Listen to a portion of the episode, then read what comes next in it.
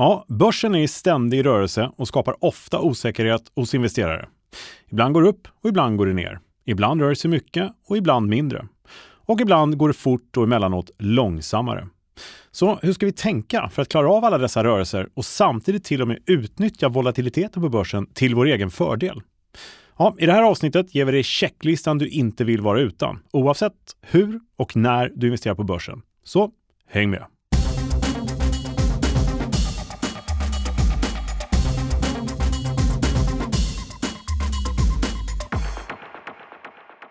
Ja, varmt välkommen tillbaka till Optionspodden. Det här är ju podden som ger dig kunskaper som ingen privat eller professionell investerare på börsen bör vara utan. Här pratar vi om börsens hela verktygslåda. Vi pratar om avsnitt 75. Och jag tittar framför mig, där står Thomas Bernholm. Fortfarande från? Nasdaq. Ja. Ja. Jag tänker avsnitt 75 redan. Redan ja. Ja, det går undan. När sände du första avsnittet? Inte mer än sju år sedan. Nej, så mycket, så länge sedan är det inte va? Eh, 2017, så hade vi uppehåll ett tag. Mm, just det. Mm. Men eh, sen eh, kom vi tillbaka. Ja. Eh, 75 känns som en bra gedigen siffra Ja. i alla fall. Snart 100. Ja. Ja, vi siktar på det. Ja. Så hur är läget på börsen? Det är väl ganska positivt den senaste tiden. Ja. Tickat upp en del. Ja, det kan man säga att det har. Och generellt är det bra också. Mm. Våren har gjort sitt Mm. intågande här och Ja. ljus och trevligt och sådär. Så det är härligt. När man ställer den frågan till dig så kan man nästan få svaret Nej men det är bra, kollegorna är glada på börsen och eh, bra mat i Absolut. lunchmatsalen. Ja, men just det, det är sant. Ja. Så att får läget skilja på de två, arbetsplatsen kontra själva börsen man handlar på. Ja, men eh, läget är bra på båda Mm. just nu Mm. kan man säga. Det är alltid bra på Nasdaq om man är där. Det vet alla som har varit där och hälsat på också. Mm, Det är bra grejer. det är det. Hör du, eh, handla volatilitet. Hur gör man det? Det låter lite svårt sådär Mm. kanske, för den oinvigde. Ja, det är ingenting man plockar ner på hyllan eller från hyllan på matvaruaffären kanske. Utan. Men idag ska du hjälpa till Mm. med lite sånt va? Ja, men börsen rör sig ju och det enda som är helt sant är att ingenting är helt säkert. Faktiskt, Det imorgon. låter så hemskt det där, men Ja. du har ju en poäng. Ja. Ja, eller hur? Men vi kan ju faktiskt lära oss att utnyttja börsens rörelser till vår egen fördel. Och det är väl bra? Eller vad säger du? Absolut, jättebra. Ja. Som du sa ingressen där. Absolut. Ja. Och det finns ju så många tillfällen. Ja, men det gör ju det. Och eh, i och med att vi inte vet som sagt vad som händer imorgon Mm. så måste vi, som jag brukar säga, gissa så bra som möjligt. Mm. Och vi kan ju faktiskt, med det vi tittar på, volatilitet och sådär, få en liten aning om det kanske är just nu hög risk enligt marknaden, låg risk och sådär. Så att eh, idag kommer vi eh, presentera en liten checklista minsann, ja. som du inte vill vara utan, Äh, spännande. tänker jag. Mm. Och Det, det här är låter lite, som en liten cliffhanger igen här. Ja, det blir det. Ja. Och det bra med den här cliffhangern är att man slipper vänta så länge. Okej, bra. Det är bara att lyssna vidare. Jättebra, jag är så otålig ibland. Nej, men det är som så. Ehm, Det har kommit som vanligt eh, en del, det är mycket frågor, det är Mm. mycket eh, tankar och idéer, vilket är jättekul, eh, som kommer till oss. Och en del är just det här under de här tiderna när man förväntar sig att det ska röra sig lite grann. Det är rapporttider ju. Ja, Och du sa att börsen mår ju bra, eller den har gått bra. ja Sådär. sista veckan i alla Ja. fall. Ja. Vi ska vi prata om börsen alldeles strax hur den Mm. har gått. Men då kommer lite tankar, hur ska jag positionera mig nu? Vad händer om det går upp eller ner? Mm. Eller vad händer om det inte spelar någon roll? Bara det rör på sig upp eller ner, hur kan jag göra då? Så här har vi en liten checklista och jag skulle säga att det är en bra checklista även om man inte handlar optioner faktiskt. Som jag också brukar prata om. Sådär ja. Mm. Eh, Det är förstås bäst om man har alla verktygen i verktygslådan med sig, förstås. Så är det. Men eh, det om det. Ska vi kanske direkt hoppa på och kolla hur börsen mår? Det tycker jag. Så utgår vi från den och hoppar vidare på vårt tema sen då. Yes. Då gör vi det. Ja, Kalle, jag har Mm. ställt frågan många gånger tidigare till dig, men Ja. hur är då läget på börsen i eh, optionstermer så att säga? Ja, men i optionstermer, eh, det är en bra fråga. Det är bra på börsen just nu. Det är positivt på börsen på alla olika nivåer. Mm. Till optionstermer eller aktietermer. Den underliggande aktiemarknaden, som ändå är den som styr vår derivatmarknad och värderar våra derivat, eh, den har ju haft en ja, men en rätt fin återhämtningsfas, om vi får kalla Mm. det för det. Sen, eh, vi hade en liten botten där i mars ungefär. Eh, och vi hade ju den här nivån vi pratade om på 850-nivån som var lite psykologisk nivå sådär. Nu har den faktiskt eh, brutits igenom och vi har eh, ganska positivt sentiment i marknaden. Mm. Så att eh, för alla aktieägare så är det glada miner för närvarande. Vi är liksom tillbaks lite grann på Inte riktigt på toppen av vad vi hade i januari, men på väg ditåt. Mm. Sådär. Trenden ser bra ut. Just det. Ehm, Och det här var nog ett, av ett trendbrott. Eh, Ja. Du tänker inte på börsen, utan du tänker på att du säger brutit igenom. Det låter lite grann som en teknisk analytiker jaha, plötsligt. ja, Det brukar du inte låta Nej. som. Nej, men det var intressant. Det är riktigt, därför jag fastnade lite grann för den här 850-nivån. Ja, jag förstår det. Ja. Och, eh, nej, jag tittar inte supermycket på teknisk analys, eh, men tillräckligt mycket för att den nivån ska vara intressant. Bra. Ja, Mm. så att, eh, En liten reflektion bara. ja, bra reflektion. Tittar vi på risken här, VIX-index, så är det en intressant läsning. Eh, vi är nämligen på alltså, lägsta nivån på 15 månader. 15 månaders lägsta på VIX-index helt enkelt. Oj. Och eh, det här är en nivå som är alltså på strax under 17, 1695 var sista print på VIX-index som jag har. Eh, och det här har vi alltså inte sett sedan januari 02. Eh, och då kom vi från den här jättehåsen om du minns efter corona 2021 där det liksom bara gick upp jättemycket. Och då hade vi ju helt andra risknivåer än vad vi har sett senaste året nu kanske. Mm. Så att det här är anmärkningsvärt. Det är väldigt låg, låg eh, risk. Eh, det är lite som att det mesta är inprisat. Inflationer och krig i Ukraina och eh, sådär. Men sen har vi väldigt mycket riskmoment. Det finns saker som inte har ska vi säga, manifesterats ännu som eh, farhågor. Mm. En stor grej som de bubblar mer om är ju Taiwan och Kina. Där Mm. händer det grejer. Det är militärövningar och det är mycket spända relationer Kina och sådär. Eh, sen så har vi valutor på sina olika plan. Eh, dollar och de här eh, eh, östernländerna, höll jag säga. De, ja, men de ska ju eh, frångå dollarn och sådär. Och det är kanske mer allvarligt än vad man kan tro ifall det blir verkligt av det och sådär. Mm. Så att låg risk just nu, det är harmoni som det är, en uppåtgående börs eh, och det brukar då leda till lite så här av skeptikerna. Ja, men hur länge ska det här hålla och så. Mm. Därför kan vi kolla på SKEW-index då. Hur mycket är man liksom eh, orolig för att det ska bränna neråt här? Eller att man, hur villig är man att skydda sig? Vad, hur mycket tror man på det här? Mm. Och, innan vi kanske går in på Mm. SKU, så det är kanske några nya lyssnare som bara behöver en liten insikt i VIX där också. De är alltså Mm. lågt värderade optioner, eller hur? Låg implicit volatilitet. Det är den implicita volatiliteten ja, som Ja. VIX-index består av, som är sammantaget av eh, indexoptionerna på S&P 500. Så är Det- det. Och det indikerar alltså en kanske lite mindre rörelse mot normalt helt enkelt. Som, ja, som eh, så är det ju. Mm. Eh, det kan också vara en stark rörelse uppåt med Mm. låg volatilitet. Så kan det vara. Och det är helt enkelt riskbedömningen i kommande investeringsperiod Mm. som man kan tänka. Och 20-nivån är väl någonstans ett, ett normalläge där investerare generellt sett tycker att det är okej att ta risk i aktier. Mm. Och man ska tro, tro på att det liksom ska generera en normalavkastning åtminstone. Bra, tack. Och, så att det ser väldigt bra ut riskmässigt. Eh, sen har vi SKEW.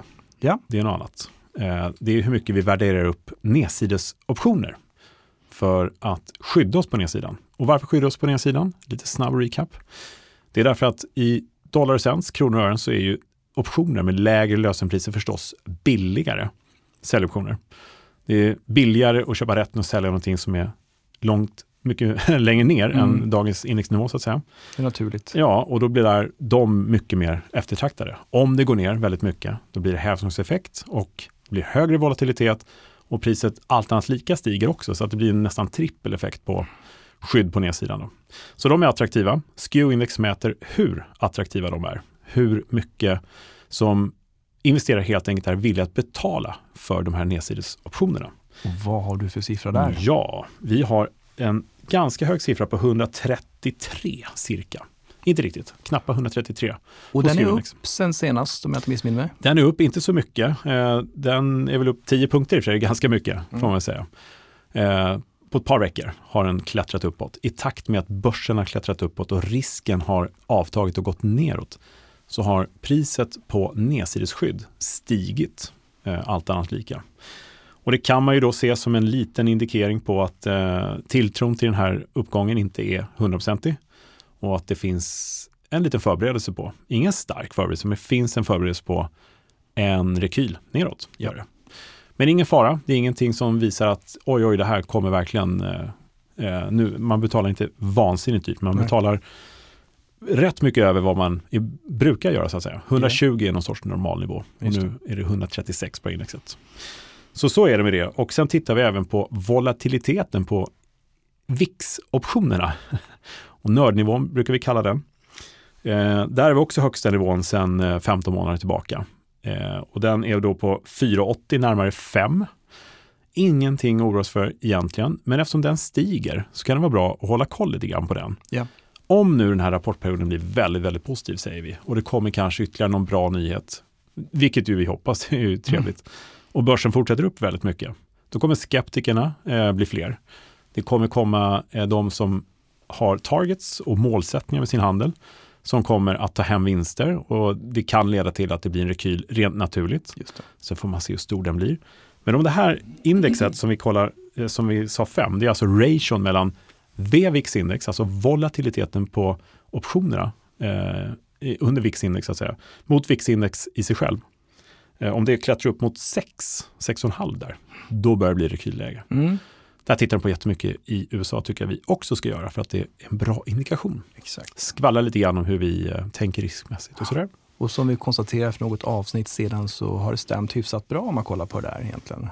Ja, men det gör faktiskt det. Mm, det, eh, det finns ingen, ingen sanning i någonting, men som vi inledde med att säga, vi kan gissa så bra som möjligt. Och det mm. här ger ju verkligen ytterligare ett bra, alltså bra, vad ska jag säga? Verktyg? Eller? Ja, ja. Men, eh, lite Komplement. mått på hur vi tänker ja. och hur vi faktiskt eh, eh är rädda för nedgångar, mm. helt enkelt, på börsen. Och det här är också en ögonblicksbild just här och nu. Som, ja. Som brukar, ja. Mm, allt i börsen är yes. förstås här Precis. och nu. Bra. Uh, men det ser all in all rätt bra ut. Okej. Okay. Mm. Och sen har du säkert kanske någonting att säga om våra egna papper, OXS30 och så vidare? Ja, vi har väldigt låg eh, risk även på vår egen börs. Eh, historiskt har vår volatilitet på OMX-index varit nästan 24 procent, 23,9. Och då pratar vi implicit volatilitet? Nej, historisk historisk, volatilitet. Ja, förlåt, det ja. ja, Det som har varit... Eh, jag lyssnar dåligt. Här. Ja, ja. Mm. du blir gammal. Du har ju så jättetjocka hörlurar på dig, kanske inte hör vad jag säger. Ska, ska jag ta av dem? ja. Men den implicita då, den som investerare värderar närmaste, investering, alltså närmaste investeringsperiod till, mm. den är 16,2, nästan Ja, eh, nästan. Den är nästan 16 blankt, 16,2. Mm. Det är alltså en eh, negativ edge på 7,7 procent.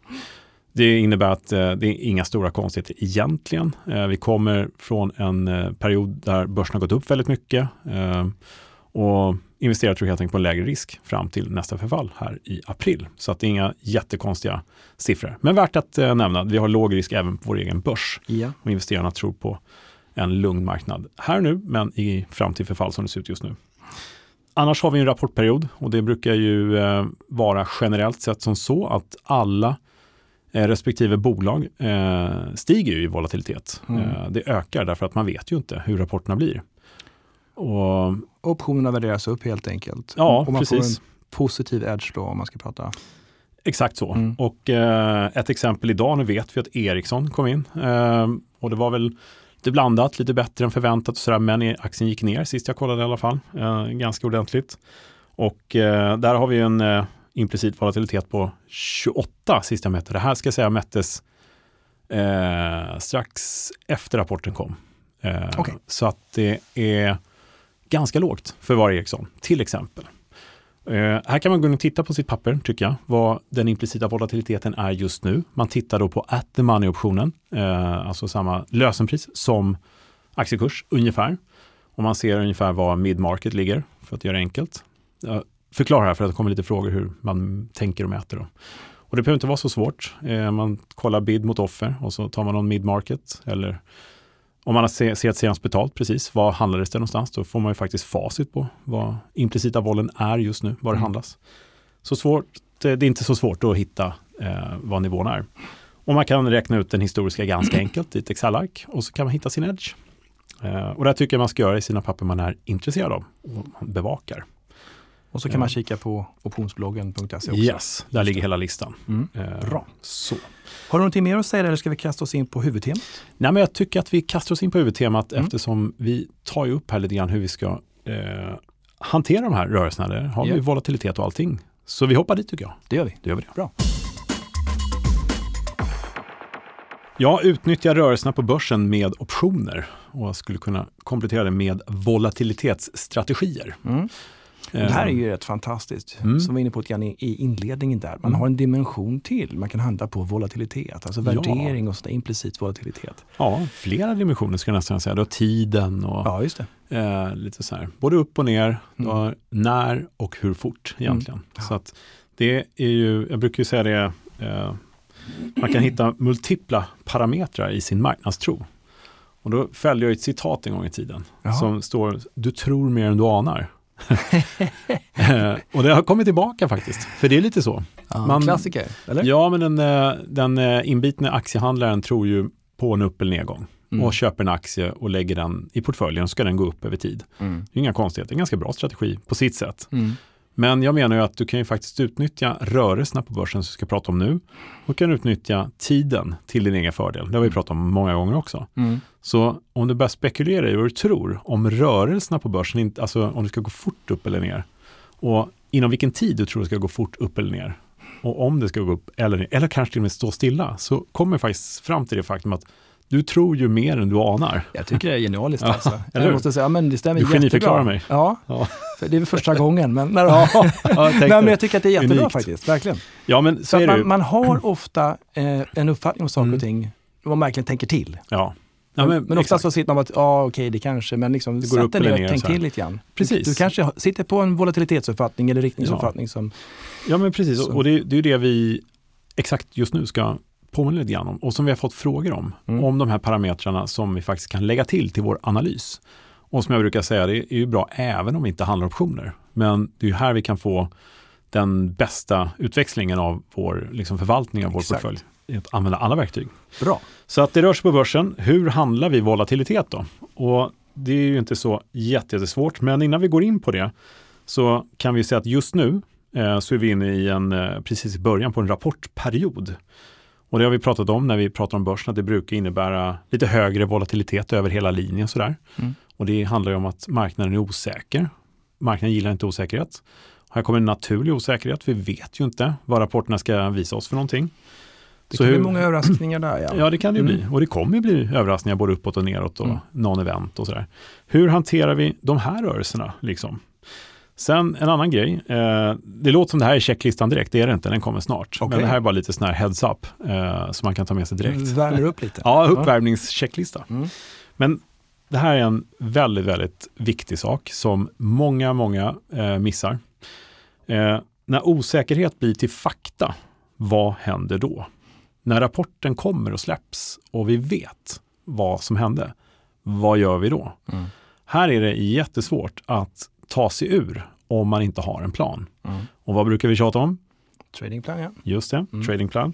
Och här kommer det verkligen till sin rätt. Mm. När vi ska behandla på rörelse på börsen, då är det bra om vi vet vad vi gör när rörelsen väl kommer. Och i rapport så vet vi att det kommer komma rörelse med stor sannolikhet då. Just det. Kommer det en vinstvarning någonting mitt på dagen, det kan vi inte göra så mycket åt. Mm. Uh, för vi vet inte någonting om. Det kan vi absolut göra någonting åt eftersom vi har en plan. Ja. Men nu vet vi faktiskt när rörelserna kommer. Och då mm är det annorlunda. Just det. Om jag får ställa en följdfråga mm. på den, när saker och ting har blivit fakta, då tänker du till exempel på att okej, okay, implicita volatiliteten stiger inför rapport, siffrorna kommer, mm. allting kommer, liksom, så att då är det mm. så att då vet man. Och då ska du ha en plan för, ska du gå ur den här positionen, ska ja. du liksom justera den? Eller yes. ja. Exakt, precis så. Mm. Fick jag rätt i min farhåga eller fick jag rätt i min positiva marknadstro? Framförallt fick jag rätt i min tro om volatiliteten. Yes. Och det är det vi kommer till alldeles strax. Här. Eh, vi vet ingenting om börsen kommer gå imorgon, men vi kan gissa. Det har vi också varit inne på sådär. Eh, och sen så är hela poängen, hur gör vi för att skapa en strategi för vår, ska vi kalla för multipla marknadstro? Inte bara upp eller ner, utan när och hur mycket och mm. hur fort och sådär. Så då ska vi prata om volatilitetsstrategier. Och vi som handlat en del med det, vi säger också att vi handlar någonting annat. Vad tänker jag på då? Ett nyckeltal vi ja, handlar. Vega. Ja, mm. för här kommer det in till sin rätt fullt ut och de som vill ha extra koll kan ju faktiskt kolla Vega till sin option. Just. Köper du en option, då köper du volatilitet och då köper du Vega. Du köper också Gamma mm. faktiskt. Så eh, här finns det lite grann överkurs att lära sig, men man behöver inte ta så jättestort allvar på det just nu. Och Vega är alltså hur mycket optionens pris eh, ändras mm. när implicita volatiliteten ändras med en enhet, en procent. en procent precis. Mm. Så att den enkla strategin för att spekulera i till exempel ökad volatilitet, det är helt enkelt att köpa optioner. Du köper premium. Du betalar pengar helt enkelt. Och stiger volatiliteten, då kommer optionen allt annat lika bli dyrare. Och då kan du allt annat lika sälja optionen igen och så tjänat pengar. Du har handlat volatilitet. Eller hur? Mm. Så eh, jag tänkte två saker då. Att vi går igenom en liten lista över strategier för att handla volatilitet i olika lägen där vi tror olika saker. Men jag tänker att vi tar den här checklistan först som vi kan liksom bocka av. Äntligen. Jag tror det. Mm. Du, du står lite Jag står och trampar lite här. Ja, jag Ja, ser det. ja. Jag ser det. Så vi har sju punkter. Låt höra. Nummer ett. Ha koll på dina säsonger när volatiliteten kan stiga eller sjunka. Och just nu är det en sån säsong, för det är rapportsäsong och det kommer fyra gånger per år. Det är när bolagen lämnar sina redovisningar och det finns ju alltid lite snack om dem innan. Det är konsensus och det är analyser och vad man tror och sådär. Mm. Eh, håll koll på när de är, säg sig själv på något sätt. När ditt bolag rapporterar, var med då. Det finns ju också eh, sommarsäsong när allting tenderar historiskt sett att bli lite lugnare. Ingen sanning, det kan ju hända saker under sommaren, absolut. Verkligen. Men generellt så brukar det vara lugnare under sommaren och lite mer livligt under hösten. Alla kommer tillbaka efter semestrarna lite grann sådär. Och, och så. Hålla lite koll på de bitarna Mm. helt enkelt. Ja. Nummer två. Gör din hemläxa, Thomas. Mm. Mm. Lär dig hur volatiliteten i ditt papper har rört sig historiskt. Ska man Och, utan till? ja, ja, faktiskt. Varje dags rörelse. Ska Ja, men det där är klokt. ja, men de som har sett mig i webbinarium eller på ett seminarium eller annat när jag presenterat någonting så brukar jag alltid inleda med en historisk överblick av exempelvis börsen. Just. Och nu pratar vi om börskursen i sig. Och det är ju liksom en nyckel att lära känna sitt papper. Titta hur den har gått. Eh, jämför till exempel kanske ett eh, ja, men papper, skogsbolag kanske med eh, ett telekombolag. Så ser man att det finns två olika karaktärer. Sådär. Och kanske kolla Sinch eller någon sån aktie mot Mm. eh, Telia. Är lite annorlunda rörelser. Mm. Så man lär sig karaktären i aktien men också hur volatiliteten har rört sig. Är det hög volatilitet ofta? Är det att den liksom hoppar väldigt mycket? Och det är ganska lätt att, att titta på det också. Och det är ofta en, eh, exempelvis en market maker och prophandlare är väldigt duktiga på. Sådär, Mm. så, så sitter och, de kan sina papper väldigt väl hur det har rört sig. Exakt. Ja, precis. Och det är, de alla gästerna vi haft här har ju pratat väldigt mycket om hur, vilken nyckel Sant. det är med Mm. volatilitet det. i all deras proffshandel. Mhm. Och det kan vi också göra. Eh, nummer tre, eh, den kommer här nu därför att den är så pass viktig. Det är välj din strategi och då menar jag välj rätt strategi för din marknadstro. Och det kommer vi till om ett litet tag efter checklistan. Och för din multipla marknadstro. då. Exakt. Mm. Bra. Jag tycker det var klokt, en Mm. multipla. Liksom. Ja, Mm. ja, men visst. Så det har din strategi och sen är det väldigt viktigt, eh, det här ingår ju då i din tradingplan. Nummer fyra, analysera din risk reward. Och vad menar jag med det? Jo, här kommer vi till lite överkurs. Det är det här vegat som vi pratade om. Mm. Alltså hur optionen ändras när vollan går upp eller ner 1%. Eh, vilket optionskontrakt har störst och högst vega? Vilken option är alltså mest känslig eller har störst exponering mot marknadsrörelser? Eh, det är ju at the money. Just det. För där vet man inte om den kommer vara out of the money eller in the money. För det är väldigt förenklat och då blir det ett momentum där. Den, de är alltid, eh, har alltid högst vega-värde Mm. helt enkelt. Kommer reagera Och där är ju då tidsvärdet som högst också. Ja. Ja, Mm. precis så. Eh, och de, man ska säga att de är också samtidigt dyrast, Mm. förstås. Högt vega, dyr premie. Det Mm. blir ju så. Eh, och om man tänker sig struten som vi kan köpa, man köper både en call och put med samma lösenpris och köper den at the money. Då blir den struten dyrare i volatilitetstermer än vad den blir om du köper en liten out of the money, kanske en bit längre ner eller någonting sånt där. Eh, så att analysera din risk-reward. Vad händer om du köper en at the money strut till exempel mot om du köper en lite out of the money? Som du är på 100-nivån, aktien står i 100 eller om du har en på 90-nivån och aktien står i 100. Vad händer då? Kolla ditt Vega. Lite överkurs, men för de som vill det så är det bra med sån risk-reward. Vill man förenkla det här så går det alldeles utmärkt att bara eh, räkna ut om jag köper en kol och aktien går upp dit jag tror. Vad har jag då för eh, vinst? X antal kronor. Vad har jag för förlust? Ja, men det är om hela premien går förlorad och så jämför man det. Då så har man sin risk-reward. För att göra det väldigt, väldigt enkelt. Ja. Sen har vi nummer fem här, för att eh, hoppa till någonting som är mer tydligt och enkelt kanske, vilket handlar om att hålla koll helt enkelt på rapporter, statistik och kommande nyheter Just. i bolaget. Och eh, tänkte ta lite exempel på hur det kan se ut. Eh, och jag tänker mig ett läkemedelsbolag. Mm -hmm. Och när är det läkemedelsbolagen är liksom riktigt rörliga, vad händer i läkemedelsbolaget då? Och då kan man tänka sig att eh, de har en superdrug som är på gång ute i marknaden. Liksom. Och sen så kommer FDA där i USA och ska bevilja det här eller inte bevilja det här och man väntar på den nyheten. Eh, vad händer då? Och vad ska man göra för handla inför det här? Då kommer det förmodligen bli en rörelse kraftigt uppåt eller kraftigt neråt, eller hur? Det låter så. Det är ett enkelt exempel sådär. Mm. Och för den som tror att det ska gå kraftigt uppåt, köper calls. Och för den som tror att det ska gå kraftigt neråt, köper puts. Men man kan också köpa en strut om man är osäker. Det kommer gå upp eller ner. Ja, men då köper vi en strut. Och här spekulerar man ju då i en ökad volatilitet helt enkelt. För det enda vi vet är att det kommer röra sig förmodligen ganska mycket. Eller om det mot förmodan blir någon event, men det brukar ja. inte bli det i de här lägena. Då. Nej, ett sånt läge bör det röra ja. på sig. Som säger. Så det var ett exempel på hur man kan tänka, men håll koll på sådana här saker. Mm. Uh, och det är faktiskt ett ganska bra tips, för många vet jag har dålig koll på bara en sån sak som när ens bolag rapporterar. Uh, men de har positioner och de är beredda med sina targets men har inte riktigt koll på när bolagen kommer med sina nyheter. Just.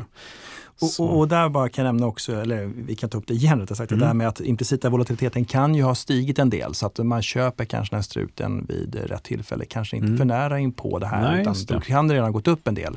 Ja. Lite sånt bara. Men har man följt, har man gjort sin läxa som du varit inne på, ja, mm. då har man lite bra koll på det där. Så är det. Mm. Och jag kan bara en liten eh, parentes där, tipsa om en liten artikel på optionsbloggen där vi faktiskt pratar om köpa en vagga inför rapport. Eh, det är en strategi som eh, många tittar på och det är man gör en tid innan rapporten eh, och då har ju inte volatiliteten kanske hunnit sticka iväg sådär mm. riktigt än. Och då har man en lite fördel av att köpa optioner i pappret och sen så kan man dra lite nytta av den strategin inför rapporten. Ja. Så den kan man läsa om. Eh, nummer sex av sju. Eh, och det här är för att klargöra då det som vi var inne på i lilla cliffhanger-biten mm. innan. Vad händer med volatiliteten efter att nyheten kommit ut? Det är bra att klargöra det. Så vi tar det som en stor och viktig del av checklistan. Och vad händer helt enkelt? Nu har det varit, eh, säger vi, eh, två veckor inför rapporten. Det har varit stigande volatilitet i ditt papper Thomas som mm. du har följt. Vi, vi, pratar implicit volatilitet fortfarande? Ja, vi pratar implicit vola. Eh, ja. Marknaden värderar upp risken. Mm. Eh, helt naturligt i ditt papper. Sen kommer rapporten här och det blev ganska bra och aktien går upp 3 och du är nöjd och glad för att du äger aktien och äger massa calls och grejer. Nej, nej, du äger inga aktier, du äger bara calls. ja, exakt. Ja. ja nu sa du fel. ja. Vad händer med volatiliteten? Ja, när det osäkra blev fakta som du sa, mm. så eh, tenderar implicita volatiliteten att då sjunka. Ja. Packa ihop lite grann. Yes, cave in som det heter på amerikanska. Eh, och det vill man inte vara med om om man äger optioner. Därför är det väldigt bra att lyssna på punkt nummer sju, den sista. Och den har jag varit inne på förut. Ha din plan redo, men ha din plan för en exit redo inför dina volatilitetsstrategier. Just. Är det som så att du nu har spekulerat i att det ska bli ökad volatilitet inför en rapport, då kanske du kan räkna ut att kommer rapporten så kanske det blir en cave-in. Om det inte blir en vansinnigt dålig rapport. Mm. Då får man ju vara med där lite grann, precis mm. när rapporten kommer, för då kanske det går ner jättemycket och volatiliteten blir skyhög. Sant. Så kan det bli. Ja. Här gäller det att man är med. Och man ska ha en sak klart för sig här.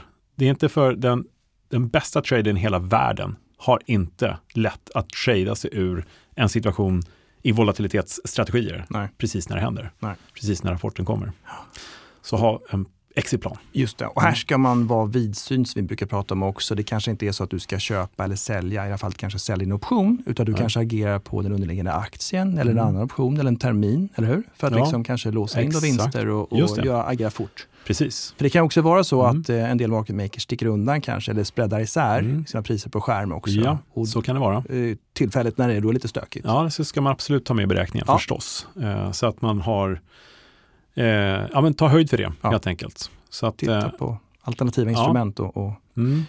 och det vi brukar prata om att optionshandel i generella termer är ju en mer aktiv handel. Och det är här det verkligen är så, det kommer till sin rätt här, Mm. här måste man vara med. Eller man tjänar på att vara med här i alla fall så att man inte sitter och tittar på eller kollar i övermorgon hur det gick. Mm. Eh, Då förlorar man nog lite tidsvärden och volatilitetsvärden och grejer, Just. eventuellt. Så är det. Eh, som en liten parentes till allt det här, checklistan är klar, eh, men eh, tänkte bara snabbt, fått lite frågor som anekdoter, vad som hänt en gång i tiden. Så jag kan ta en bara om den här Hennes och Mauritz-grejen 1997 kanske. Ska jag slå mig till rätta i Ja. fåtöljen och lyssna lite? Ja, vill du ta en kopp kaffe? Ja, exakt det här. Nej, Nej. väldigt snabbt så Ja. kom det ju en vinstvarning i Hennes Mauritz som hade gått väldigt, väldigt, väldigt, väldigt bra. Eh, den gick från ja, 600-700 spänn någonstans och började hacka ner och så kom vinstvarningen gick ner till 500 kan vi säga. Någonstans där. Väldigt snabbt. Och vad händer med volatiliteten då? Den blir ju skyhög. Ja. In kommer en investerare, eh, kund någonstans och köper en köpoption på 500 won at the money och tänker att ja, men den här vinstvarningen är för mycket helt enkelt för bolaget. Det måste studsa tillbaka. Dagen efter studsar det tillbaka eh, upp till 500, ja, en bit upp i alla fall. Mm. Eh, 520 kanske.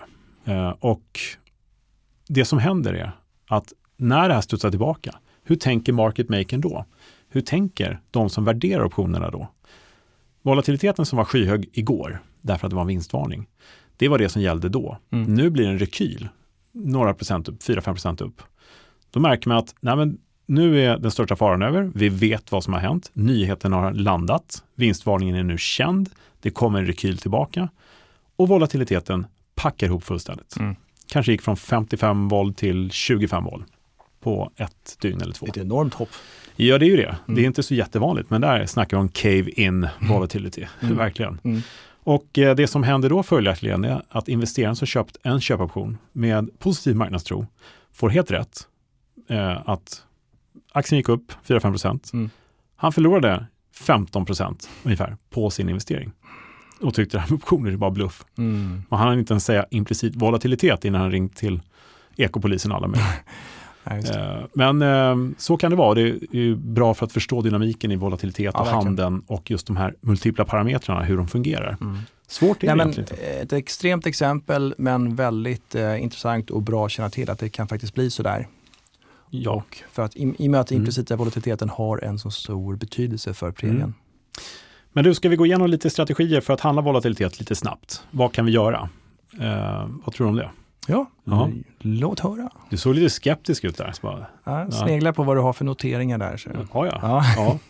Nej, men om, om vi nu är marknadstron uppåt och så lägger vi till att vi tror att volatiliteten ska stiga. Vad skulle du köpa då för någon strategi? Ja, alltså uppgång och stigande volatilitet. Mm. Ja, alltså, då, då köper jag ju spontant calls. Ja, Mm. i sin enkelhet. Ja. Köpa premium. Precis. Mm. Och den eh, korrelationen, ska säga, den kopplingen att det går upp och vol, implicita volan stiger, kanske inte Mm. så vanligt som jag sagt förr, men Nej. eh, ja, så skulle jag då. Just det. Mm. Eh, och det är bra. Mm. Eh, och det förklarar ju enkelheten i det hela. Om det nu går upp och volan stiger, då kommer kolen stiga i dubbla aspekter, Ja. såklart.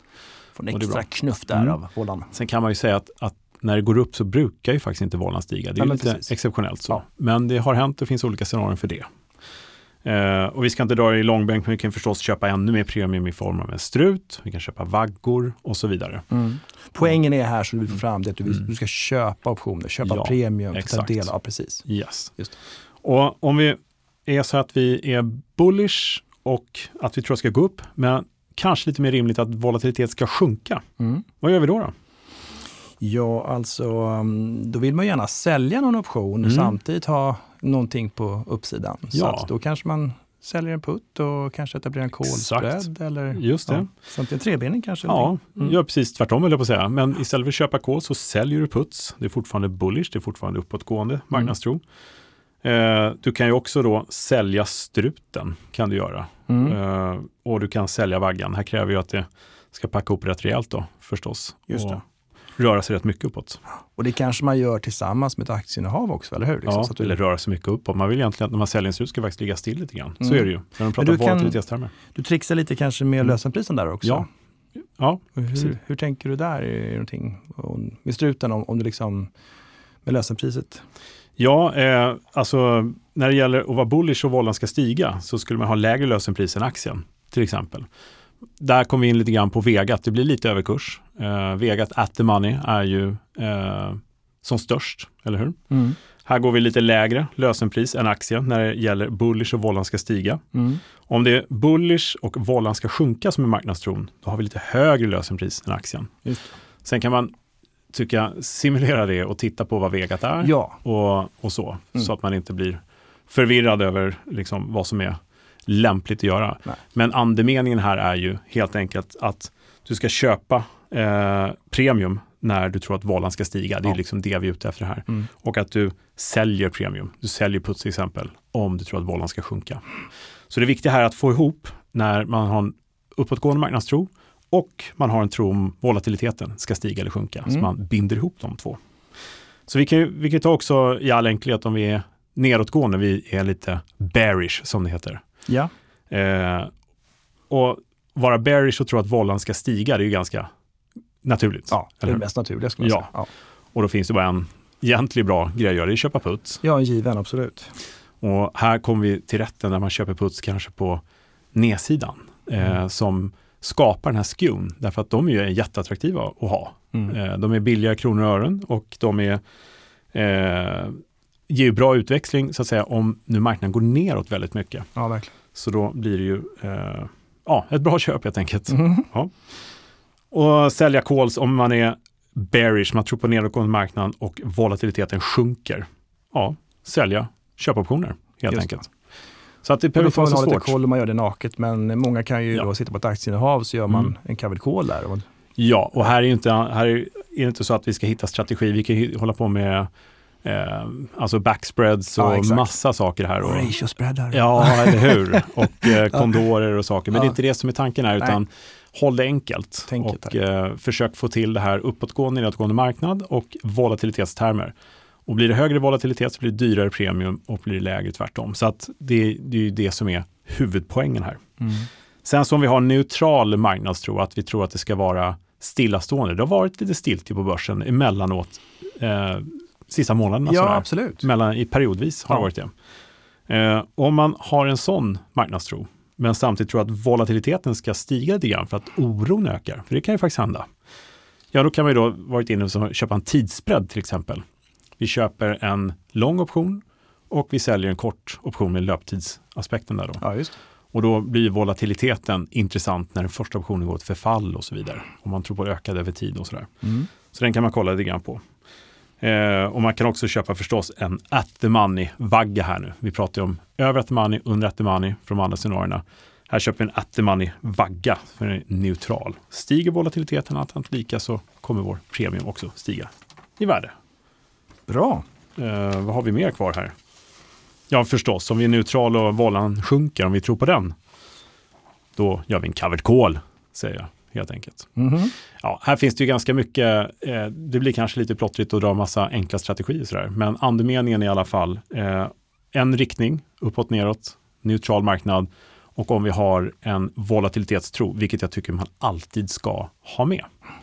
Eh, och då har vi ett bra spektrum i vår liksom, eh, strategi vi går in i. Just det. Mm stiligt och jag gillar verkligen som sagt det här med multipla marknadstron. Liksom. Det, det, det är kul mm. att grotta mer i det. Men ja. som du säger där också, det finns ju otroligt många fler strategier. Det är tänket som man ska liksom få in. Ja men visst, och eh, för att avsluta den här så kan man ta med sig, som jag också brukar nämna ganska ofta, det är det att eh, har du eh, ingen liksom, tydlig marknadstro, du är väldigt osäker på riktning, upp, ner eller stilla, och du är väldigt osäker på om det ska bli mer eller mindre rörlig börs i närtid, du har ingen uppfattning alls. Eh, då ska du avstå helt enkelt. Då ska du backa tills du har det. Oftast har vi ju det. det vi, har, vi har snackat om det förut. Men då eh, är det bättre att vänta och inte gå in i någonting som man är osäker på. Så riktning bra och om du tror på ökad eller minskad volatilitet är bra. Bra. Då går du in i strategi. Härligt. Vad har vi med på agendan här nu då? Men jag tycker du har gjort en ganska bra summering här. Bra och tänkvärda mm. saker. Så um, ja. är, är, det inte dags för frågorna kanske? Jo, men det är väl det. Ja. Uh, det tycker jag kan vara hög tid efter den här lilla dragningen. Ja. Då kollar vi. Ja. Ja, det kom ju massvis med frågor till Optionspodden. Det tackar vi så mycket för. Fortsätt skicka in era frågor. Eh, Mikael har frågat sig så här. Hur ska man tänka när man missat ett läge i en aktie? Kan man använda optioner. Mm. eh, det kan man såklart. Ja. Ja. Eh, har någon spontan eh, tanke kring den? Ja, men några spontana tankar dyker upp såklart direkt. Och, eh, men jag tycker det är, om en aktie har gått upp någon krona för mycket, man väntar tills den går ner och, och man vill köpa då, då, då tycker jag att utfärda en säljoption kan vara Mm. bra så att man får med Ja. lite grann. Absolut. Och sen så har vi pratat om eh, stock repair eller ratio spread mot innehav och sådär Mm. också. Då kanske man... Mm. Ja, lite högerskolan sådär. Ja. Eh, men det är bra. Och oftast om man, jag, jag tänker med Mikael här som har missat ett läge i en aktie, mm, eh, känner att aktien har gått upp lite grann. Exakt. Man har missat vinsten där. mm, Men då kan man också tänka att aktien faktiskt är i en sorts trend, ett momentum uppåt. Mm. Och om man inte vill riskera för mycket, för då är ju psykologiska känslan, köper jag nu, då går det ner. mm, Nu är det för sent. Köp en call spread. mm. Eh, klart begränsad förlust, möjlig förlust i premien man betalar. Och det är minimal premie jämfört med bara en vanlig call. Och eh, man är med på uppsidan lite grann. Just det. Så det finns lite grann att göra. Ja, och vill man, jag tror att Mikael är på jakt efter att få en vad ska man säga, rabatt i aktien och det kanske Mm. inte är korrekt uttryckt, men du skulle också kunna sälja en vagga mot innehav. Du köper Ja, aktierna så säljer du en call och säljer en putt en bit upp. Då får du ju mycket lägre break-even, du är Mm. kappad på uppsidan och har Ja. lite större risk på nedsidan om det faller mycket, men du har kommit in på ett mycket lägre ingångsvärde. Ja, just det. det är Eh, också en, Sånt också. Liksom. och ligger det still mår man ju bra. Eh, Jättebra. man premien Det att behålla. bästa så. tänkbara. Ja. Ja. Det finns lite saker att göra och eh, man kan väl konstatera att optioner är svaret i det här läget. Mm. Eh, det är ju jobbigt att gå in i aktien när man har missat några kronor upp eller vad det nu kan vara. Ja. Så är det ju. Men Och- in och kör eh, en bra optionsstrategi Mm. som man känns Och det här med att sälja putten, det kan vara att man säljer en in the money-putt också. Det behöver inte vara Nej, bara tidsvärde man säljer, utan Nej, just det. eh, det tycker jag också man ska titta på. Det är, det är inte alla som gör det. Liksom. Nej, man får in lite mer pengar i realvärdet Ja, och sådär. Kräver lite mer rörelse förstås. lite mer delta. Ja. Mm. Ja, det är bra. Yes. Pernilla har frågat så här. Hur ska man tänka dessa utdelningstider med optioner och utdelningar?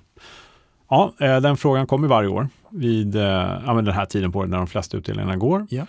Eh, och det finns ju en strategi som heter early exercise eh, och det är när man förtidslöser en amerikansk aktieoption eh, inför utdelningen. Och då gäller det att man räknar ut att man tjänar på det. Man ska inte glömma bort några saker. Nej. Och det är ju inte givet, Nej, det är som inte många det. tror. Utan det, Nej, det är ju inte det. Man, man får inte glömma det att när man löser optionen så är det en avgift för det. Eh, Det är också som så att om man löser optionen i förtid, då säger man tack och hej då till ett visst tidsvärde yes. som man offrar.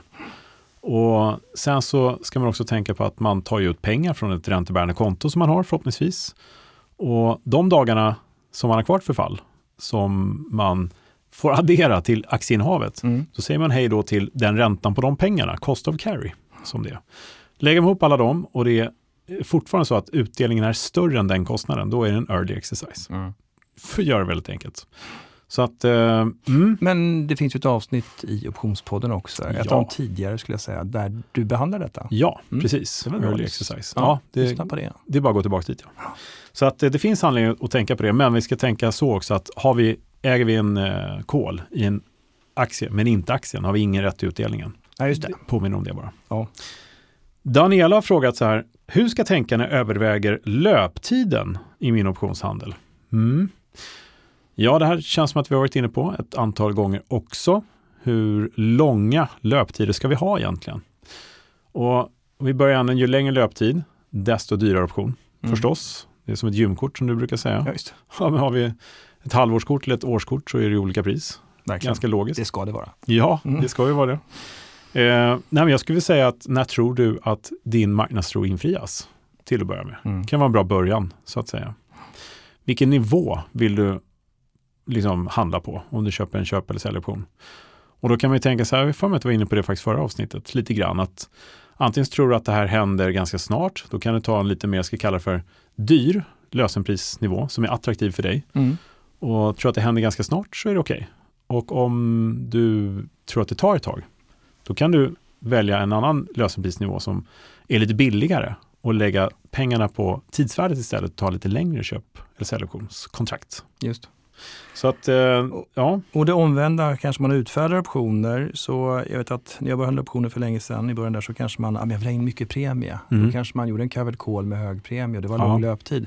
Men man lurar sig lite grann där, det kanske är mer optimalt att du har, låt säga 45 dagar kvar Mm, av löptiden. Så att du liksom utnyttjar avbränningen här i mm. tidsvärdet på det sättet.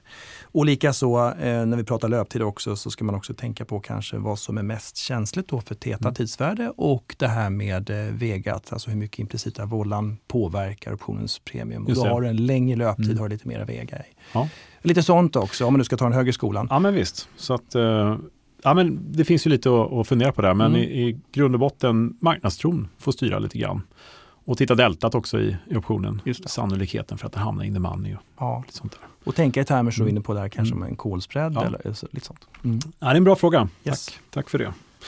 Eh, vi eh, hinner inte med så mycket frågor till. Vi ska hålla det här hyfsat kort. Däremot har vi fått ett ordspråk från Christer. Och det här är avdelning vikten av psykologi och mentalitet minsann. Bra grejer. Mm, jag tror det. Jag läser. Confidence is not I will profit on this trade. Confidence is I will be fine if I don't profit on this trade. Hmm. Det här sa Ivan Bajaje. Jag tror att ditt uttal inte var riktigt korrekt. Jo, det är det. ja, okay. Lyssna på Google. Jag skojar, det var ett... Ja. Bajaje, alltså han är B-A-J-E. Okej. men han du, är svårt. Han är en, ska inte äh, hänga upp oss vid namnet där. Nej, men, han är superduktig på äh, börspsykologi. Ah, ja. Ung man, fin ja. man. Eh, vet jag. Klokt. Kolla upp honom. Nej men det är lite klokt så här. Eh, man ska inte vara konfidenserande, men jag kommer tjäna pengar på det här. Vi vet inte vad som händer imorgon. Nej. Men confidence är att ja, men det är okej okay om det här går åt skogen. Det är självklart inte målet och självklart har vi ju gjort vår läxa ja. där sannolikheten pratar för oss att det inte blir så. Men vi kan inte garantera att vi tjänar pengar på varenda trade. Så då ska vi vara lite confident med att det faktiskt kan gå skogen. Och du kan klara en motgång? Ja, vi handlar optioner så att vi kan klara det bättre än alla andra. Så vi kan göra en spread emot eller köpa en putt eller någonting annat. Nu lät du confident. Eller hur? Ja. det var lite meningen. ja. Nej, men vikten av psykologi och mentalitet, det är bra. Tack för det Christer. Det, faktiskt, det är kul med alla ordspråk. Skicka in fler ordspråk. Det är avslöjar lite grann hur vi tänker allihopa. Mycket kloka eh, tankar här ute mm. faktiskt. Och glöm inte Kalles citat här också, du tror mer än du anar. Ja, det tycker just jag det. kommer gå till historien. Ja. Ja, ja, men då så. Då rundar vi av lite grann här. Det gör vi. Mm. Har du något du vill sälja? Ut? Nej, men det är väl bra att upplysa mm. om eh, olika webblänkar och annat. Optionsbloggen.se, optionspodden.se. Optionskurs.nu. Just det. Optionsplay.se. Just det. Uh, Nasdaq.com slash derivatives academy. Mm. Och Twitter att se Björkegren. Björkegren. Där fick du till det också. Ja, det bara blev så. Du har international. International, ja. Mm. Nej men eh, tack för det. Thomas, tack. bra avsnitt. Eh, skicka in fler frågor och eh, vi återkommer om ett par veckor igen, senast. Och glöm inte att njuta ute i vårsolen. Nej, precis, det ska vi ut och göra nu, eller hur? Ja. Nej, tack alla. Tack så mycket, tack Pontus, tack Smile, Studio Smile. Mm. Vi ha det gott. Ja. Tack, hej då. Hej, hej.